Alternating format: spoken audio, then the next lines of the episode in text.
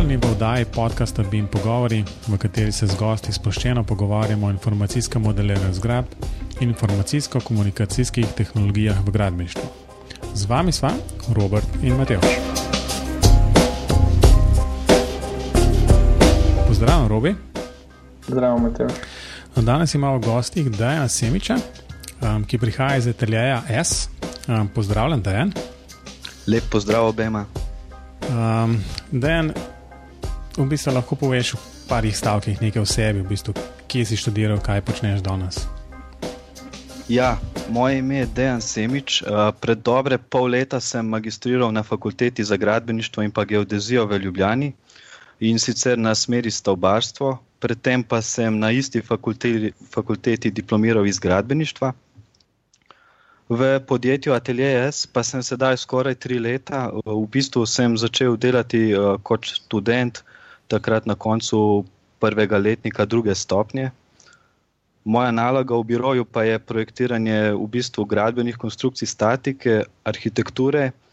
Uh, pripravljam vse laborate eh, in pa izdelujem študije učinkovite rabe energije, uh, dnevne svetlobe in pa požarne varnosti. Pri tem pa lahko povem, da vse delo pri nas poteka v bistvu na nek način v BIM-u. Wow, super istočnica za pogovor. Mislim, da bomo um, odprli številne teme, ampak recimo, da začnemo malo kronološko v zgodovini. Umenil si, da si študiral na FGG, ki je jasna tudi fakulteta, kjer sva z Robijem dokončala študij.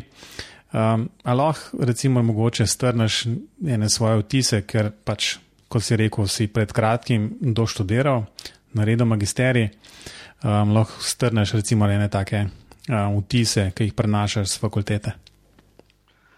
Ja, moje izkušnje pač. Eh, s fakulteto, pa z znanjem, ki sem ga prenesel v prakso, so zelo pozitivne. Um, tudi če gledam glede BIM-a.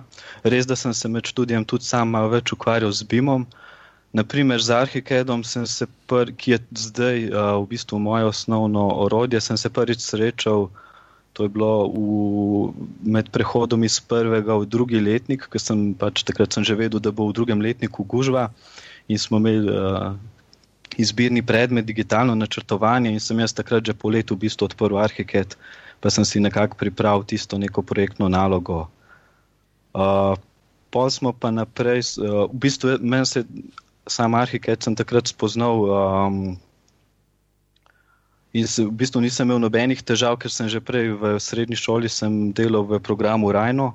In takrat, če nisem uporabljal arhitekta kot BIM, ampak kot modelirnik, potem smo pa naprej, če gledam glede BIM-a, smo imeli v, se pravi, v prvem letniku druge stopnje, smo imeli še pri profesorju Cerovšku eh, informacijsko modeliranje stavb, to je bil direktno predmet o BIM-u in smo tam takrat sem pa potem ugotovil, da pač. Naprimer, arhitekt ali pa to BIM, da v bistvu to ni neko modeliranje, ampak da je to širše, da je to um, pač neke širše področje, in sem potem začel to tudi malo bolj raziskovati. Potem smo pa, naprimer, še v petem letniku uh, imeli um, pri tebi, Robi, uh, pa profesor Turku, smo imeli uh, računalniško integrirano graditev, kjer smo dobili neko projektno nalogo, ki smo jo v BIM-u morali eh, se pravi zasnovati in pa narediti. Tako da v bistvu tri predmeti v petih letnikih, pa še pri drugih predmetih, recimo, sem armaturne načrte risal v tekli. Tako da, pa, če, sploh pa če primerjam naprimer, s kolegi iz arhitekture, mislim, da smo na FGG-ju zdaj po boloncu, da, smo, da je to kar dobro bilo, kar se tiče BIM-a. Pa jaz bi tukaj takoj ustavil, tam sem se zapolnil en stavek, ki si ga zdaj rekel. In si rekel, ja. da prej si uporabljal Arhiket kot modelirnik, potem si ga pa začel uporabljati kot BIM urodje. Ja. Me zanima, kaj je ta razlika, mogoče če kdo, ko posluša, še tega ne ve. Ja, razlika med modeliranjem in nekim BIM načrtovanjem je, da modeliramo samo zato, da, da je 3D. Naprimer, uh, to so lahko pač naredimo naprimer, stavbo 3D in polje prerežemo in dobimo neke prereze, pa tlorise. Uh, nek, to je v bistvu parametrično načrtovanje, zdaj neki BIM modeliranje, mislim, je pa več tam, pa podajamo informacije še noter. Se pravi, uh, stavba dobi informacije, sestava, kompoziti in vse. Ne? Na kratko. No, hmm. sej, to sem bolj tako vprašal, ker me res zanima tvoj pogled na to. Um, ja. Ker dejansko je razlika med tem, ali uporabljaš urodja, da nastane nek model, oziroma samo neko, neka volumska telesa, ali pa dejansko neki elementi, ki nosijo informacije. Ampak drugo, drugo kar me pa zanima, uh, zdaj naštel si, mislim, da tri predmete, nekateri ja. se srečo z vivom, pa recimo, glede na to, da si razmeroma pred kratkim končal. Um, meniš, da je bilo dovolj tega, tega um, podanega tega znanja v BIM-u, pa tudi mislim, da si omenil, da sta bila dva od teh predmetov zelo izbirna. Ali, ja. ali zdaj iz prakse nazaj, ko gledaš, misliš, da bi moralo biti tega več? Ma ne, z mojega stališča je bilo dovolj, lahko bi bilo več. Ne. Samo, naprimer, zdaj tudi zdaj se govori o tem boomu BIM-a pa to, da se šele to dogaja, ne, pa mogoče čez čas bo potreba še več. Ne. Ampak trenutno, po mojem, da je bilo dovolj. No. No, jaz sem si nekaj drugega bolj zapomnil no, in to je, da si, da si rekel, da si v bistvu vnaprej pogledal, da boš po naslednjem letniku nekaj imel in se poži čez poletje. Nekaj ja. samo od sebe naredil. Tako da za vse študente, ki to slučajno poslušajo, pa da enkrat, ki bodo, um, prosim, tukaj je primer dobre prakse. Zdaj, Rob je že malo načel to temo, v bistvu. Um, zdaj, mo morda samo ena zadeva, še okoli tega študija na FGG in s tem povezanega um, znanja, ki si, si ga obimo pridobil tam. Um, a si pogrešal, oziroma pač, recimo, če bi moral nekako oceniti, kje bi moral biti večji poudarek ali na urodjih, ali na nekih temeljnih razumevanjih BIM procesa, um, pa morda s tem povezane zakonodaje in vem, dobrih praks in tako naprej. Skratka, kje ne bi bil neki poudarek, skratka, ali na urodjih, ali na nekih bolj teh temeljnih znanjih. Ja, jaz mislim, da je bolje, da bi bilo več poudarka na temeljnih znanjih, na teoriji. Ne? Zato, ker orodja so, pa se spremenjajo, ne? nekakšna teorija zadnji, pa je vedno neki pač temelj, na čemer lahko gradimo za ta različna orodja. Jaz, jaz sem absolutno bolj, da bi bilo bolj poudarjeno, se pravi, uh, teorija. Ne, sedi, no, sedi pet, ne. sedi pet. Ne, zato, ker uh, v bistvu ne vem, znam, do, mislim te programi so vsi isti, pol naprej. Ne? Ne, v bistvu, kaj enega spoznaš, ali dva, tri, recimo, je potem zelo podobna zadeva. No, ampak potem na koncu se tako, tako specializiraš za enega. Ne? Tako, In, tako. Ja. Ja, problem je potem, da lahko povem, da zdajšnje generacije študentov pričakujejo, da jih bomo učili pač urodja, pa jim na, ni možno pokazati oziroma dopovedati, da je teh urodij enostavno preveč. Ja. In da je tudi odvisno, odvisno od tega, pač v kaj se bo usmeril. Ker v Sloveniji imamo tri struje, mogoče tudi njih imajo deset. In zdaj predelati naprej, kaj se bo rabilo. Najno mnenje z motivom je, da mi moramo usmeriti v temeljne znanja, pokazati, katero rode obstaja, potem pa tako, kot si sam povedal. Ne? Potem pod motivacijo je odvisno, če se bo kdo lotil. Tako da jaz sem ja. res pozitivno presenečen, da da si se sam naprej pripravil, ker si s tem pokazal, da si dejansko motiviran in da si se zavedel pač pomena, ne, da ne boš zmogel vse hkrati. Ja, sem v prvem letniku dobro spoznal, da, kako bo v drugem. Pa je bilo res tako pol. No, potem je bil pa še tretji.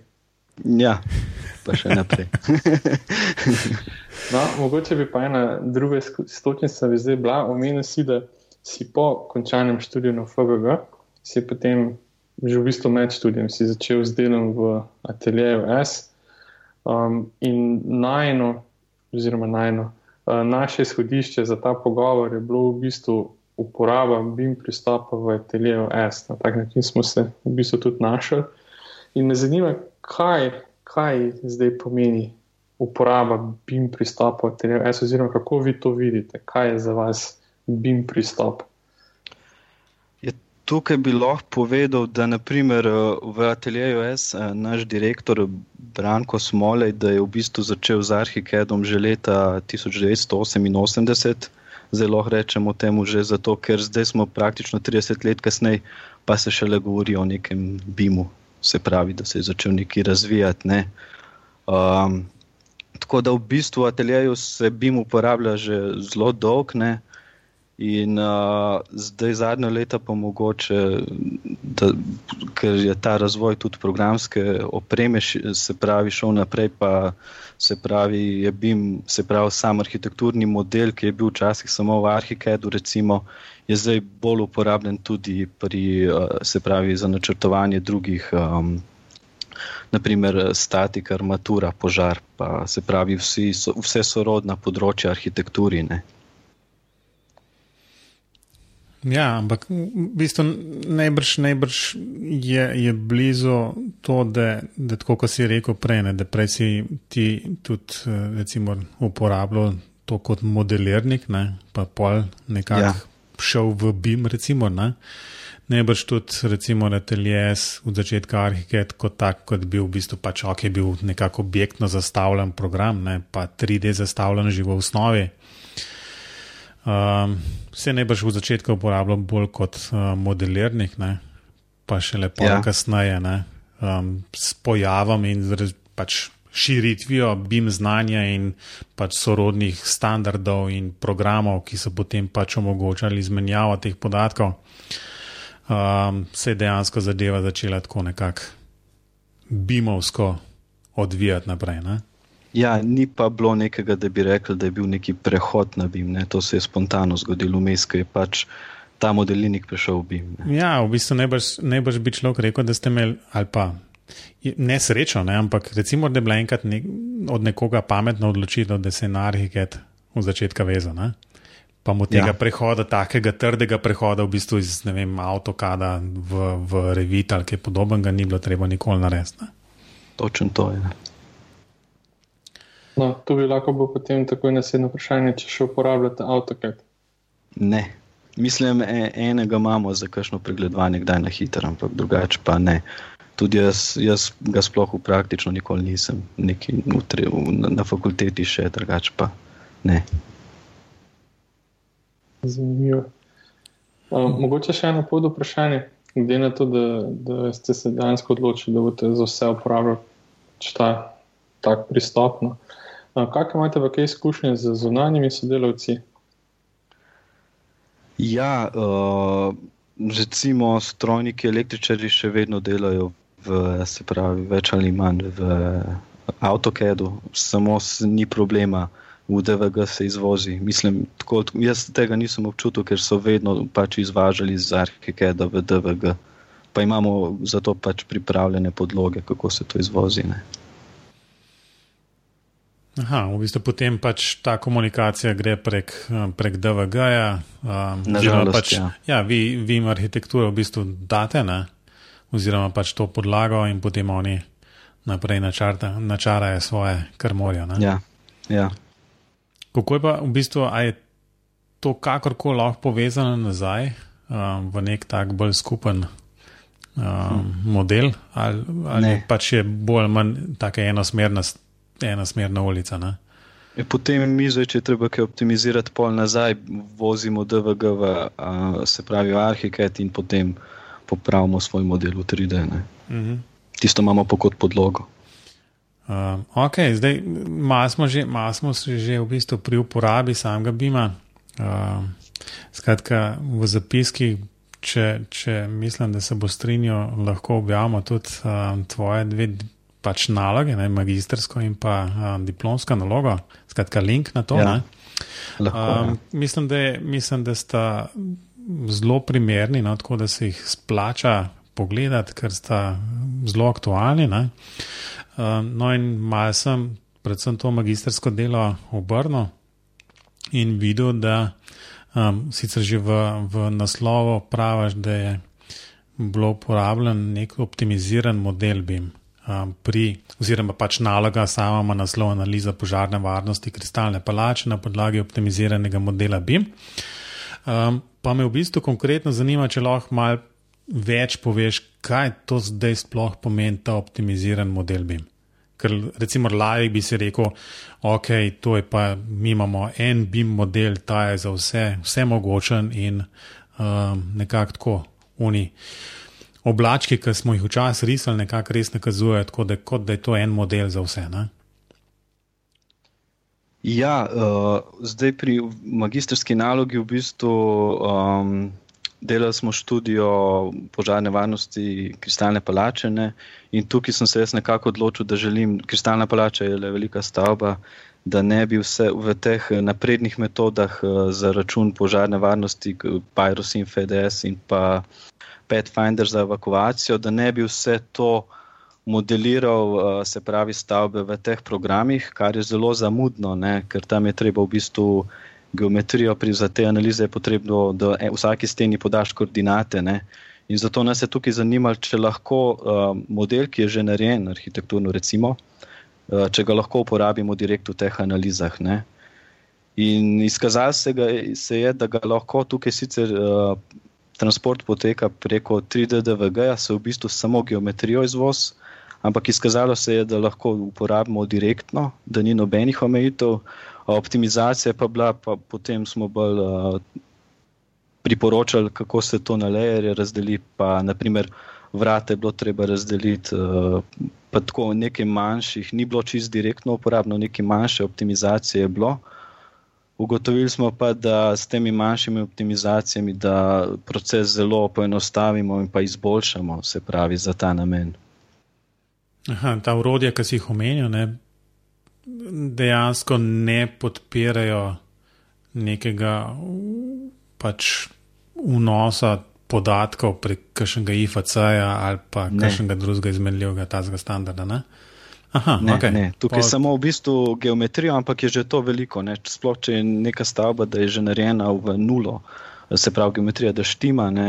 da se to lahko direktno uporabi, to, se znebimo teh lepilnih procesov, kar je v bistvu tako, tako super, mislim, mogo bi biti to cilj za vse, da se bi znebili teh lepilnih procesov.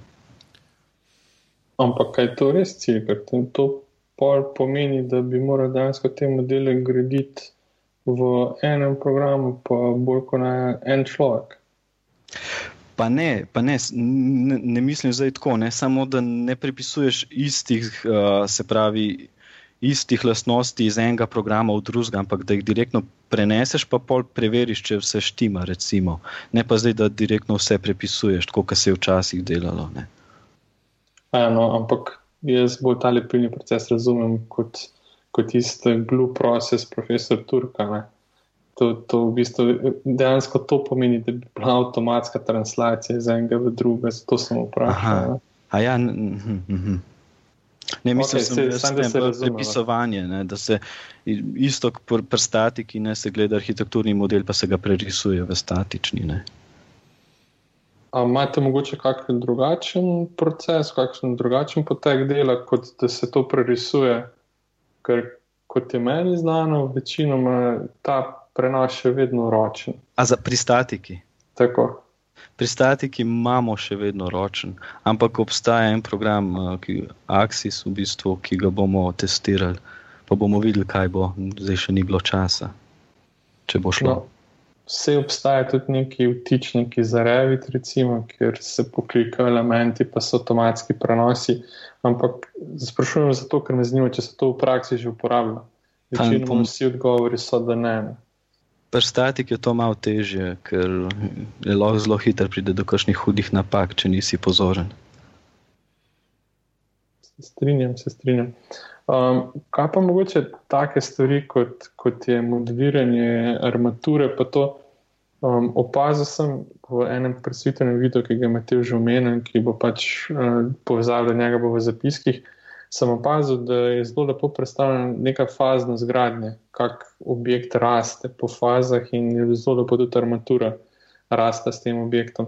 Um, to modelirate v, v Arhikedu imate morda kakšne posebne uh, utičnike, programe, aplikacije uh, za te stvari? Ja, v bistvu imamo en dodatek k Arhikedu, Epter. Uh, reinforcement, um, ki se v bistvu direktno v Arhikedu, se pravi, se naloži direktno noter in je, se pravi, delovno okolje je Arhiket in potem ta dodatek. No, sprašujem zato, pa zanimivo mi je zato, um, ker običajno vsi, s katerimi govoriva, razlagajo o tem, da ko pride do armature, se običajno vsi posvetijo all planu, ker bi ne ja. to risanje armature najbolj rešeno. Zato mi je tako zanimivo, da pri vas uporabljate pa kar arhiket z vtičnikom. Zato pač sprašujem. Ja, v bistvu ta vtičnik je zelo super. Sicer jaz imam izkušnje, imamo bolj na hišah, nimamo izkušenj na kakšnih mostovih ali pa kakšnih večjih inženirskih objektih. Um, je pa zelo enostavno. Jaz, recimo, ko sem prej znal teklo, vsaj solidno sem jo znal, v bistvu je ta, v bistvu je ta program eh, veliko lažji, um, pa veliko hitrejši. Ne. Tukaj dejansko arhitekturni model mu sključimo, se pravi, leere, oziroma pustimo prikazovanje samo nosilne konstrukcije in potem enostavno urisujemo armaturo notri. In mislim, meni men se zdi ta uh, dodatek fantastičen. Aha, ni. No, kar povej. Ne, uh, hodil sem samo to vprašati, glede na to, da si prej omenjal te lepilne procese, pa kak jih razumeš. A ni potem, ne gre tudi za podvajanje dela, ali lahko uvozite kakšne podatke, ker je treba risati armaturo posebej? Ne, zdaj, naprimer, tukaj, če račun statičen je posebej ločen. Ne? Tukaj v bistvu gre samo za risanje oziroma modeliranje armature. Razumem, razumem. Potem samo postavite v bistvu tu samo pozicije, da ločite pa. Ja, ne, v bistvu tukaj noter z, se pravi direktno v arhitekturnem modelu urišemo armaturo. Z, račun statičen je pa ločen, ne? to je pa drug program. Ja, ja, razumem. No, se je to bilo v bistvu tudi moje vprašanje, pa sem dobil zdaj le odgovor na to. Ok, očitno te bomo danes zmasirali na, na vse možne uporabe. Um, um, prej si omenil tudi, skratka, požar smo delno obdelali, ne? armaturo ja. tudi približen, ampak eno, pod, vem, eno nalogo svojo si omenil tudi. Um, energetsko učinkovitost. Um, kako pa to prva zgleda? V bistvu sprašujejo, predvsem zato, ker smo bila nekako del enega evropskega projekta, ki je imel kar velike težave tudi z BIM-om in potem naprej. Tako da me prav zanimajo vaše izkušnje. Uh mhm. -huh. ja, mi, eh, naprimer, delamo analize že naprimer, v eh, začetni fazi, se pravi, v idejni zasnovi, oziroma potem v PGD-ju. Eh, naprimer, eh, da toplotne mostove v PGD-ju lahko že v Arhikedu direktno, vsaj približno usmerimo, detajle določimo. Potem za PZI je smiselno izvažamo več ali manj v program TERM, se pravi v DVG obliki, um, da določimo bolj, uh, se pravi, bolj uh, natančne študije. Za, za osnovne študije pa Arhiket, naprimer, super za neko smernico, v katero smer bi šli. Ne. Naprimer, tudi ta dodatek, kot dizajner star, eh, kjer ocenimo potrebne, se pravi, oceno potrebne energije, naprimer za delovanje stavbe, je v bistvu ni certificirano, ni direktno za, eh, se pravi, za elaborat učinkovite rabe energije, ampak je pa za neko zasnovo stavbe, da lahko naredimo eh, čim bolj učinkovito energetsko. Mhm. Robi, imaš kakšno vprašanje direktno na tole? um, ja, mislim, na začetku sem hotel zelo nekaj podobnega vprašati, um, pa vidim, da jim v bistvu lahko popraviš, da je no, ampak očitno vam ta pristop funkcionira zato, ker ostanete, kolikor je le možno dolgo v okolju arhikeda. Tisti naš projekt, ki ga je Matej omenil, je bil pa v bistvu iz druge strani, mi smo pa delali na IFC-jih. To so imeli nekaj problemov. Pa ste to izvažali v uh, Energy Plus ali v katerem? Ne, mi smo, mi smo svoje okolje razvijali. V bistvu, ne, Energy, Energy Plus je bil tisti program za račun. Ne? Energy ja, Plus pa, je v bistvu en izmed teh velikih programov. Ja. Um, tam ampak, ameriška vojska. To je bil nekaj. en od dveh. Ja, ja, tako. Jaz smo še en drug program, ki ga je razvijala ena univerza v Dresdnu. Ampak ja, mi smo imeli ogromno enih težav, ker smo pač želeli prenesti biogeometrijo z vsemi informacijami, preko datoteke IFC in pa smo pač ugotovili, da ima en kup omejitev in tako. No. Ampak vaš pristop temelji pa očitno na tem, da ostanete kolikor le možno dolgo v enem okolju in pa je v bistvu teh mest, kjer bi lahko šlo kaj narobe, če dalje manj. Mislim, veliko manj, kot je bilo pri nas. No. Zato je ja. to funkcionira. No? Ja. Je pa treba potem za, naprimer, za elaborate, potrebno za slovenske standarde upoštevati, pa, pa moramo ven iz arhike, da po bistvu sam geometrijo uporabimo, v bistvu jo prepišemo. Ne? Ampak, vse, če se ne motim, za te elaborate rabite bolj volumne, pa to, kar lahko direktno zavedamo. Vse to delamo. Ja. Pa, po fasadi imamo že odprtine, pa velikosti fasad, pa to v bistvu sam prepišemo, ne rabimo preračunavati. Ne. No, in to je precej hitreje, kot če bi imeli, ne vem, tako da zrisane. Tam bi bilo treba vse še sešteti. Sigurno.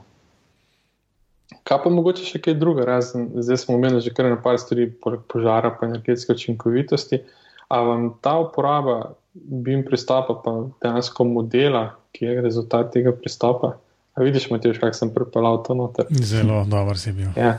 A, vam, a vam omogoča še kaj, še kaj druga? Da lahko uporabite to še za kaj druga, ali je to to, kar počnete? Je v bistvu še za dnevno svetlobo, um, se pravi, dnevno svetlobo isto. Najboljši pristop je že v začetni fazi, pa potem v PGD-ju.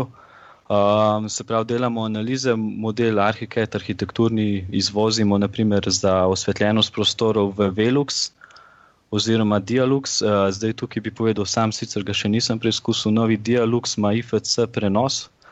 Uh, in že pri prejšnjem Dialuxu je bilo tako, da je že, da je že program zaznal neke uh, emisivnosti, se pravi, uh, finalne obdelave in pa o, o, se pravi odbojnosti.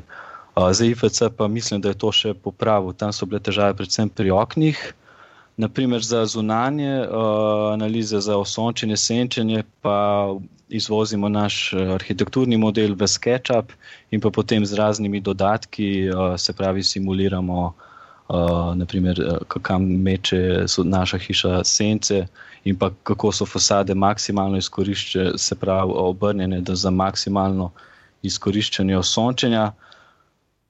Tako da v bistvu tudi tukaj ta naš arhitekturni model, eh, se pravi, uporabljamo, ga iz, izrabimo še za to. Ne. To izvajanje v SketchUp gre pa preko katere doteke? Object, pika OBJ ali preko. Ali pa SKP DVD? direktno. Ali pa SKP. Aha. Ja. Odvisno. Odvisno od velikosti samega objekta, ker včasih so v SKP-ju, če je zelo velik objekt, so lahko težave, ali pa če imamo veliko poligonov. Naprimer, hmm. Kaj pa to, man, to pomeni, da so veliki, mislim, dele modeli. Kaj, kaj to pomeni? Mislim, tako, številka me zanima. A ja, v, v, v velikosti. In, ja, recimo. Ja, Ne vem samo, če naprimer, za, naprimer v Velux, če izvažamo notranjo opremo tudi ne, za osvetljenost prostorov, da naredimo čim bolj realno, pa če imamo neke zapletene luči na stropu ali pa opremo, se potem lahko zna to malo zalomiti. Ja, ampak to je v bistvu odvisno od kvalitete objekta, ki so vloženi v model, to v bistvu ni pa od števila. Ker ena taka luč, če, če je zelo slabo zmodelirana, ima lahko zelo veliko poligonov. Ja, ja, če dobimo model naprimer, v 3DS-u, da imamo model luči v 3DS-u v Arhikedu, in potem, če je slabo zmodeliran, ja, če ga, se lahko res to zgodi ja, zaradi tega. To smo pač čisto računalniški grafiki po predstavitvi volumskih teles. Ja. Uh, ma, ma, hitri smo, vse smo že povedali skoraj. Ne, hecam se. Um, no, in kot zanimivo, ne, v bistvu ena stvar, ki si je tudi tukaj napisal, pa sem imel danes glih predavanje um, za študente, je pa tale BMX in um, virtualna resničnost, oziroma tako lepše po slovensko, navidezna resničnost. Um, kako je pa s tem, kaj je v bistvu to nekako uporabljate, oziroma se uporablja BMX dejansko za pregledovanje, kot pregledovalnik teh modelov, tudi pokažeš klientom, ali um, je to bolj za vašo vizualizacijo, ali kako je s tem? Ne, BMX že uporabljamo. Uh, se pravi, BMX je aplikacija namenjena telefonom oziroma tablicam in lahko na gradbišču direktno pokažemo, kako se pravi načrte oziroma um, 3D model, lahko ga režemo in služi za lažjo predstavo. Uh, zanimivo je tudi, uh, naprimer, ne samo arhitekturo, tudi armaturne načrte se lepo vidi. Uh, kar je mogoče v fazi gradnje še bolj pomembno za nagradbišču. Ta, ta, če pogledamo to virtualno resničnost, ima pa ta BMX um, ima aplikacijo za pametne telefone, kjer uh, se pravi telefon ustavimo v ta, uh, lahko ta kartonska očala in potem. Gledamo projekt skozi, uh, se pravi, ta navidezno resničnost, se sprehajamo po projektu, Tukaj pa tudi lahko rekel, da je zelo pozitiven odziv, se pravi, naročnikov oziroma investitorjev, se, ko, ko se sprehajajo po svojem bodočem stanovanju oziroma uh, uh, hiši. Uh, je, mislim, da tukaj, po moje, bo na tem področju šlo zelo naprej in se bo to res uporabljalo vsakodnevno. Uh, ali pa zanimivo je tudi, naprimer, armaturo, ki se vidi lepo, ne, lahko pogledaš direktno, kje armatura ostane ven iz, uh, se pravi, ko se zabetonira, vidiš, kje morajo palice ven ostati za naslednjo fazo. In na ta način uh, se zmanjšajo napake. Zdaj tega načina še nismo zelo veliko testirali, upeljevali, ampak uh, mislim, da bo to bilo kar zanimivo. Isto pa pri strojnih instalacijah uh, smo že gledali in uh, si bojo tukaj, po mojem, v prihodnosti monteri bojo dali očala gor, bojo malo pogledali, kje mora kaj biti, si bojo lažje predstavljali. In z vsem tem zmanjšujemo možnosti za napake in pa pohitrimo same procese. No, v tem v zadnjih dveh primerih, ki si jih izpostavil, bi jaz mogoče poudaril samo to, da to bi bila bolj aplikacija za nadgrajeno resničnost, oziroma izboljšano resničnost, oziroma kot se lepo po slovensko reče, augmented reality. Yes, ja, ja. Um, ampak, mislim, po slovensko, v narekovaj, da se bomo razumeli.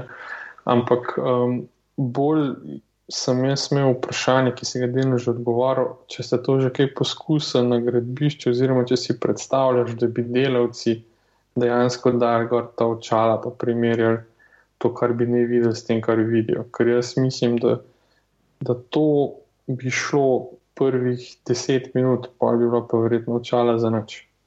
Kaj bi ti ja, misliš? Ja.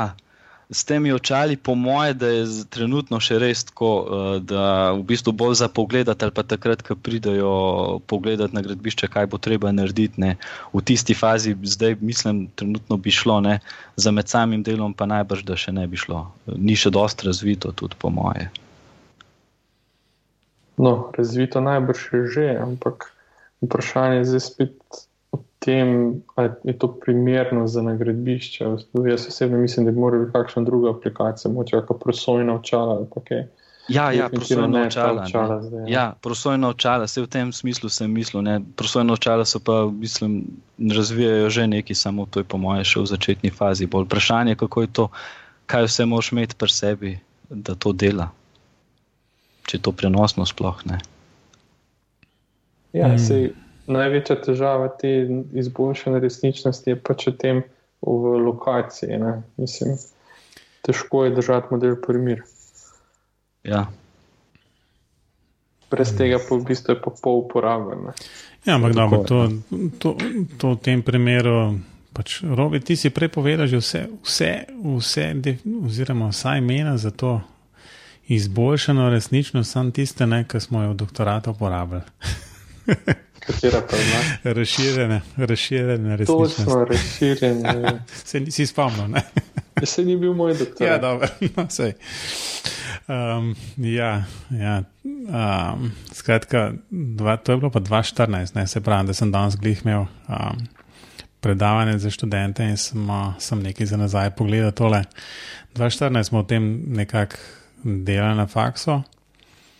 In ja, v bistvu vedno bile težave ravno s to uh, s pač pozicioniranjem, um, ker si jasno, če hočeš nek ne, armaturo pogledati, kako je postaviti ali pa v bistvu kako zmontirati neke, neke strojne elemente, v bistvu jasno, ti ti model ne more skakati, torej da čmi tako dva metra levo, desno.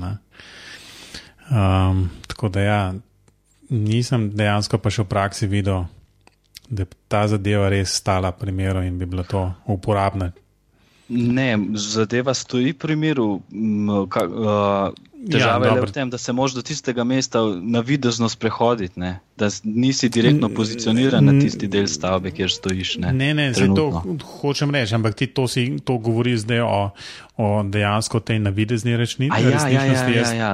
Jaz sem pa ta rečni, kjer, kjer bi ja. dejansko videl skozi ta ja. pros, prosojna očala videl realno okolico z uh mhm. dodanimi temi virtualnimi elementi, um, ne vem, armaturnimi palicami in podobnimi stvarmi. Ne? Ja, ja, um, ja, ja. Tisto, zato, zato nimam izkušenj. Ja, je, to je bila vedno debata, ne, ker v bistvu dejansko ne moreš s tistimi zaprtimi očali hoditi po, po gradbišču, ker bi bilo to a, absolutno prenevarno. Um, rabaš nekaj tazga, kjer si še zmeraj zelo močno vključen v realno okolico um, pa ima samo neke dodane elemente, um, pač neke dodatne informacije, ki si jih pač v tistem danem momentu um, želi prikazati. No, tako je tole bil skok v VRN, PRR, pa ne vem, kakšne se te oznake so. Um, tako da, ja, bomo videli. No. Jaz, imam, jaz imam še zmeri kar nekaj upanja, da, da iz tega nekaj bo. Um, ta navidezna resničnost je v bistvu zgolj najbrž stvar um, časa. Ravno, ja, po mojem, da tukaj bo hiter. Uh, ja, se sem. Zdaj je bilo 1. pa 2. maja, um, je bilo v, v Los Angelesu je bila um, konferenca, taka VR-ovska in tudi ta augmented reality, ta največja letna. No, in v bistvu govor je bilo ravno o tem, da, da morajo te naprave očala, takšna in drugačna, ne, pač pride pod tisoč dolarjev. Ne. Take resne zadeve. Um, zato ja. da je bilo to dejansko dosegljivo um, širši, širši populaciji. Ne. Čeprav, jaz mislim, da bo še bolj mogla padeti cena. Ja, ja to, to, na... to za američani, ne. oni imajo malo percepcije in je malo skrivljeno. Ja, ja. Tako da je pa jasno, je pa raz, jasno res, recimo, ti so od Microsofta, kaj ti so HoloLens. Um, tista očala so tam rede velikosti 3000 dolarjev, ne trenutno. Tako da. Uh, no, ampak vidi ta HoloLens, da mu še vedno veliko manjka. To sem pa slišal nekoga, ki ga je preizkusil. To pa definitivno, ker je, ker je zorni kot um, gledanja zelo ozek. Ne vem, Aha, mislim, da če to osveževanje. Ja, ja, seveda. Ne. Drugač pa, drugač pa vsi, v bistvu, če, kaj, kaj, so, kaj so že neki probavali. Ja, se so za te, ki igrice špilajo na teli gum, um, um, pač kaj na PlayStationu, pa na ne vem, um, kaj že Oculusu in podobnih. Ne ima veliko ljudi v bistvu težave po slabostjo, um, ker enostavno ja. ni dost, refresh rate v bistvu ni dost velik in, in ti postane slabo. Ne? Sej tukaj imam tudi jaz takšno izkušnjo. Na začetku se mi ni zdel, pa sem pa naprimer, po eni smučarski skakalnici se sprehajal tako ne 15 minut, yeah. Ja. pa potem gor po stolpu, v, v krogu se vrtiš na mestu in pol dejansko se začne res vrteti, ko daš dol očala. Ja, verjamem, ja, ker, ker, ker zgubiš čist stik z, z to realno okolico. Ne? Ja, ja, je pa tukaj lahko še povem, da smo poskušali na smočarski skakalnici ker je malo večji projekt, ne, pa tam je zelo pomembno, kako se vidi. Ne, potem je treba vse optimizirati. In smo gledali, kako se iz sodniškega stolpa vidi na, na let, pa do skočišča, ali pa potem, ko so te veterne zaščite. Mislim, da je to zelo velika pomoč tudi za projektiranje. Bo. Ne bo samo za ogledovanje, ampak bo to prišlo tudi pomoč k projektiranju direktno. Ja, absolutno. Ja. Vsekakor bo lažje. Ne? Zdaj se bo treba za kaj takega malo bolj potruditi. Zdaj je pa pač lažje, mislim, prej se bo treba bolj potruditi. Ne? Pa še potem se tako malo ugiba, zdaj pa pač lažje. Jaz to vedno spomnim enega na enega pokojnega kolega Miloša Todoroviča, ki je razlagal en, en primer pogleda v križišču, mogoče se bomo tež spomnili, ko se ugotovi, da je neka ograja na mostu napačne višine. In to gre točno v tej smeri. Tiste ograje definitivno takrat ne bi odkrili, če ne bi zgradili celega modela bi mhm. modela in gledali pač različnih pogledov iz različnih zornih kotov. In to gre točno v tej smeri. Ja. No, zdaj, ko smo že pri pogledih, ne, lahko se dotaknemo pa še recimo vizualizacij, animacij in podobnih zgodb, ki nekako sledijo BIM modelom, recimo, da so konec koncev nek stranski produkt, kaj se da poleg tega še narediti. Um, kako je pa s tem, kaj v bistvu na ateljeju jaz? Um, vem, da si osebno ali pa v bistvu kot atelje, um, nekako ste se kar dobro zorientirali v produkcijo nekih videoposnetkov takšnih. Ja, uh, tukaj bi lahko rekel, naprimer, um, za naprimer za renderiranje uporabljamo direktno model, eh, ki je v Arhikedu narejen, ki je namenjen za, se pravi, ne samo za renderiranje, ampak bo iz njega, naprimer, če to delamo v začetni fazi, bo iz njega projekt nastal. Ne. Naprimer, to je spet ena dodana vrednost BIM-a, ki včasih uh, izkušenj nimam, ampak slišal sem, da so naprimer, eh, projektirali v AutoCAD-u, nekdo je zraven, je pa modeliral v SketchUpu. No, sicer mislim, da se to še vedno dogaja. Ne. Zdaj pa, če se to delamo direktno v BIM-u, lahko izkoristimo ta model za vse. Uh, druga stvar je pa video animacije, ker lahko uh, vse to ne, uh, v, v nekako upodobimo, se pravi, predstavimo projekt. In zdaj, če gledamo ta model, ki nastaja, faza projektiranja je recimo dolga. Ne, uh, zdaj, recimo, video animacija tega prikaza, potem pa recimo je neka dodana vrednost, ki v bistvu je stranski produkt vsega, kar že imamo. Ni, ni potrebno za to video animacijo, ne vem, za izpet par mesecev delati na tem. Ne, v bistvu čisti stranski produkt lahko z, seveda, ustvarjanjem te animacije. Ne. In kako je pa z renderiranjem teh uh, malce večjih uh, modelov, um, oziroma kjer program uporabljate za to, ali je to direkt kar iz um, Arhikeda ali kakšni, so kakšni dodatki, razni Lumion in podobni. Um, ker vem, da tam recimo v teh dodatnih programih se da zmodelirati in ne vem. Veter in vem, vodo, ki, ki teče, potočke, fontane in ne vem, kaj še vse. Uh, Koliko se pa s tem, kaj um, je pol vredno pozabavati. Ja, v zavidu animacije lahko potem dosti hitro dosežemo veliko bolj realistično v teh dodatnih programih, kot so Twinmotion, Lumion. Se pravi, izboljšamo ta model, ki ga imamo že tako, tako recimo, dobro narejenega, in potem s tem ga še olepšamo. Ne. Zdaj za renderiranje mi renderiramo zdaj v 20, ki je že direktno v Arhikedu, ali pa tudi ga izvažamo v Atlantis oziroma druge programe. Gre pa v tej smeri, vsaj sam tako mislim, da bo nekoč, po mojem, zelo malo, da bojo programi BIM napredovali do te mere, da se bo direktno renderiralo in pa video animacije, kar v njih delali, ali pa z raznimi dodatki k njemu. Se pravi, da se bo v program ugradil dodatek in se bo direktno noter delalo. Hmm tako mislim, da bo. Ja, ni v bistvu ravno za, za to zadnjo verzijo Arhikeda. Um, je bilo nek, nek sporozum oziroma neko sodelovanje z nekim takim programom sklenjeno, kaj tudi v, v recimo, pod okriljem Nemeče grupe. Zdaj le sem pozabil. Cinema, cinema je tisti. Ja. Samo mislim, da je to že od 18. bilo. V bistvu. No, sej mislim, ne, ne 20, v bistvu, ja, sem mislil v prejšnjo verzijo. Ja.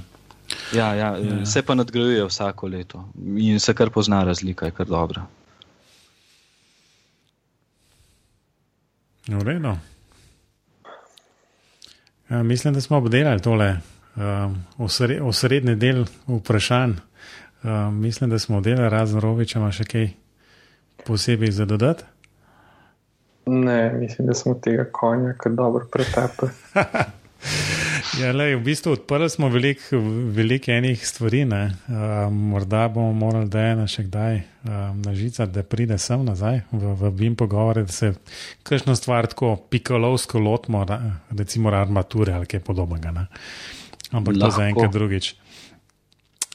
Um, v bistvu smo v delu, kjer imamo nekako zbrana priporočila, um, da ima slučajno kaj pripravljeno. Ali, pa si lahko ta trenutek izmisliš, pa ni nujno ne povezano z BIM-om, ne z nečemer koli takšnim, lahko pa tudi. Ne?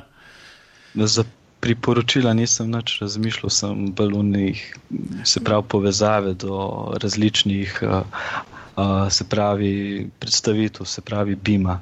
Mogoče tam sem dal pod povezave, mogoče bi priporočal, zdaj za kdo uporablja, bi priporočal 3D miško, naprimer, sem dal tudi povezavo, Aha. sam jo uporabljam in je pač fantastično za delo. Mhm. Mislim, izboljša. Nekje sem bral, da tudi za 20% hitrost lahko izboljša. In kot za nalož si izbral tisto, kar sem jim danes kazal študentom. Res, ampak mislim, kot nalaž. V bistvu jaz nisem imel fizično, sem sam tako lepo fotko našel. Um, a res, v bistvu nisem, nisem imel nikoli prilike, um, nisem imel nikoli priložnosti tole sprobati. In praviš, da se res poznal kaj. To je dve roki pol izkoriščaš, ne? ker te miške so namenjene za drugo roko kot navadna miška. Ne? In potem si v bistvu bolj agilen. Sploh pri, naprimer, pri armaturi se to dobro pozna, ker je treba veliko v 3D-ju ali pa pri uh, MEP-u, naprimer v Arhikedu, pri prezračevalnih kanalih, ki je veliko dela v 3D okolju, je to zelo, zelo se pozna. Okay, no, moram reči, da tega sploh nisem poznal. Moram to moram pa enkrat uživo videti. V bistvu. Zdaj se bom kar enkrat najavil, ki je na atelje pa mi že pokazal.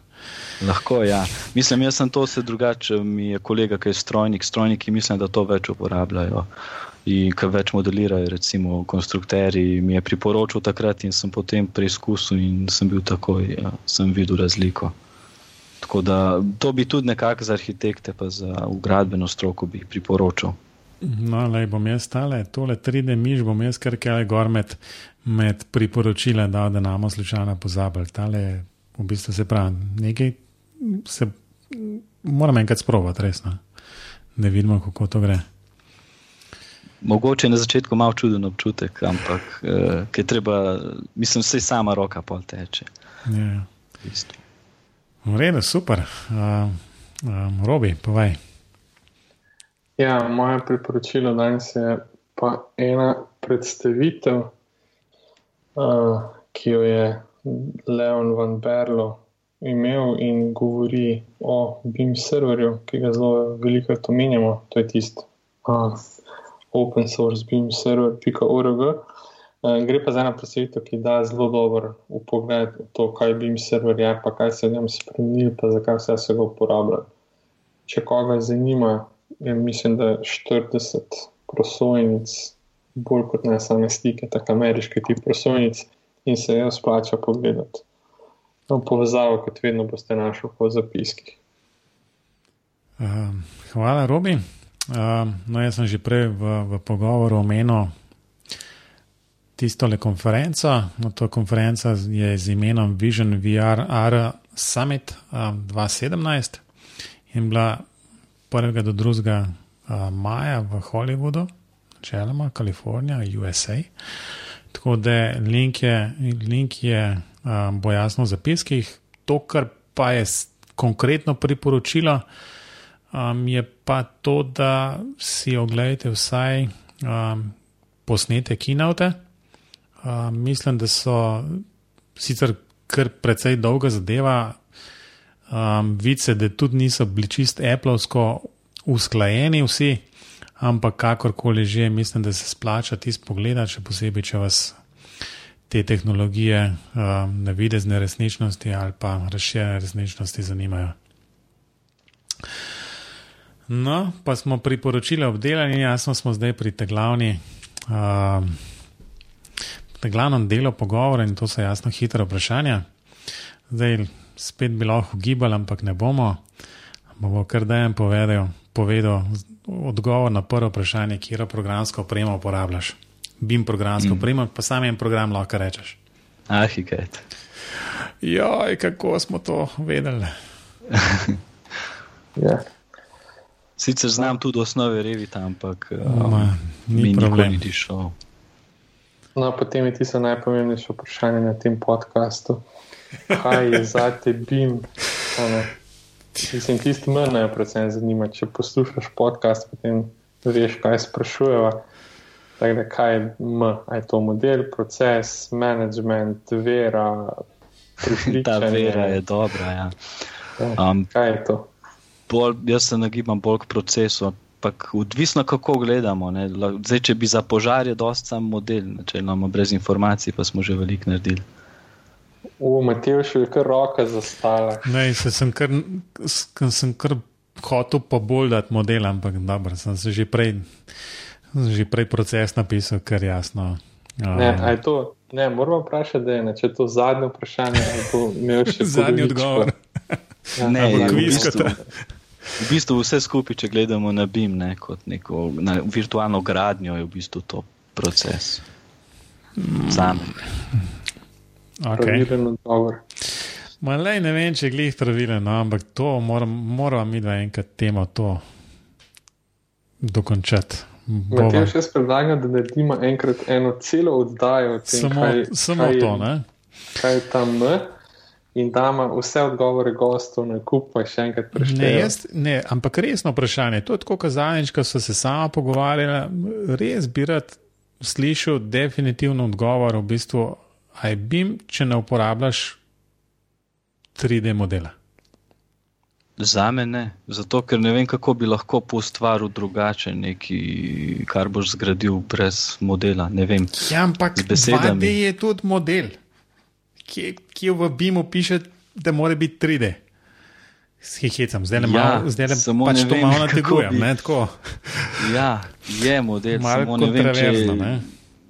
Mislim, smo videli, pač, da se ga ni dali izkoriščati za vse te namene. Pa ni mogel biti, ne, BIM, 2D model. No, okay, bom, bom raj nehal.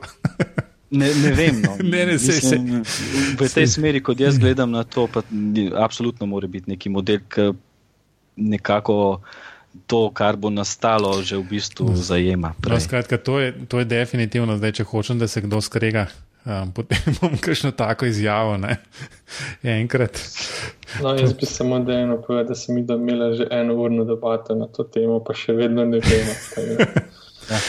No, ampak še zadnje, zdaj ta tle, pa jaz ne vem točno, kaj boš odgovoril. ne. Um, OpenBeam, zdaj, če si arhikedovsko usmerjen, potem boš rekel, OpenBeam je pa ja firma od, od Graphisofta skoraj.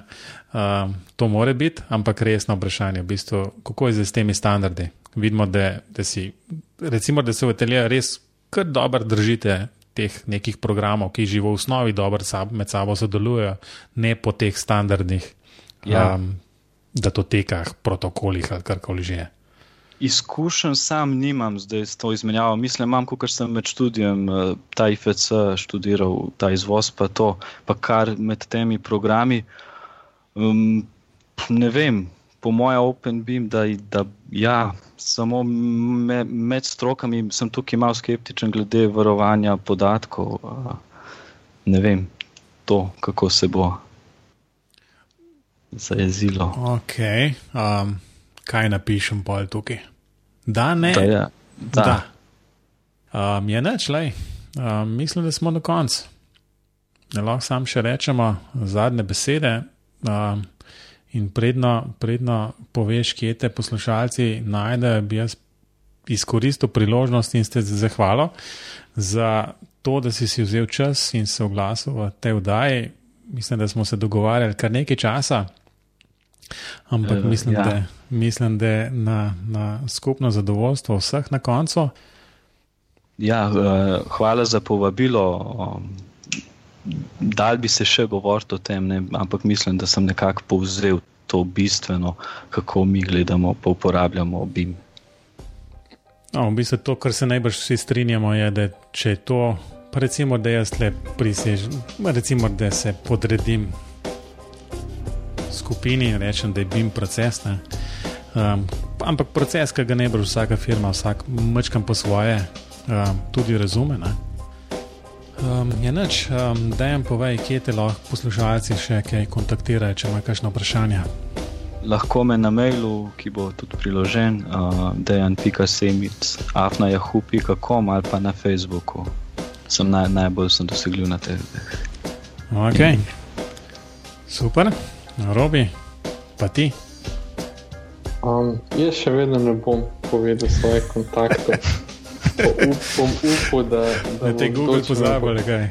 Ne, upam, da če bo kdo me hotel kontaktirati, da me bo lahko z Google. Jaz bi sam namignil, da ne v Google piše moje ime pa klinik.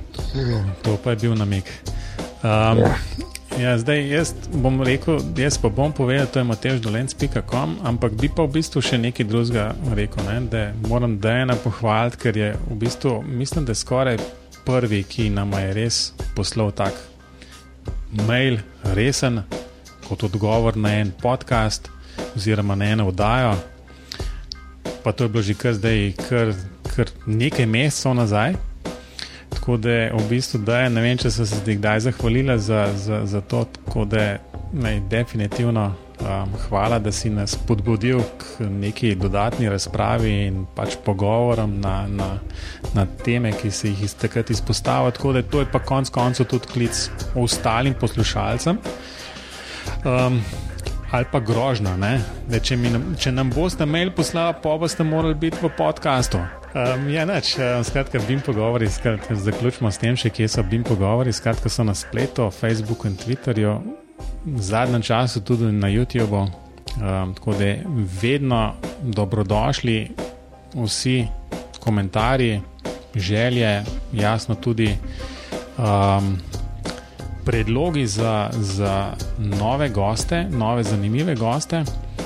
Tako da mislim, da smo pa s tem tudi zaključili današnjo oddajo. Um, da je, robi, adijo. Adijo. adijo.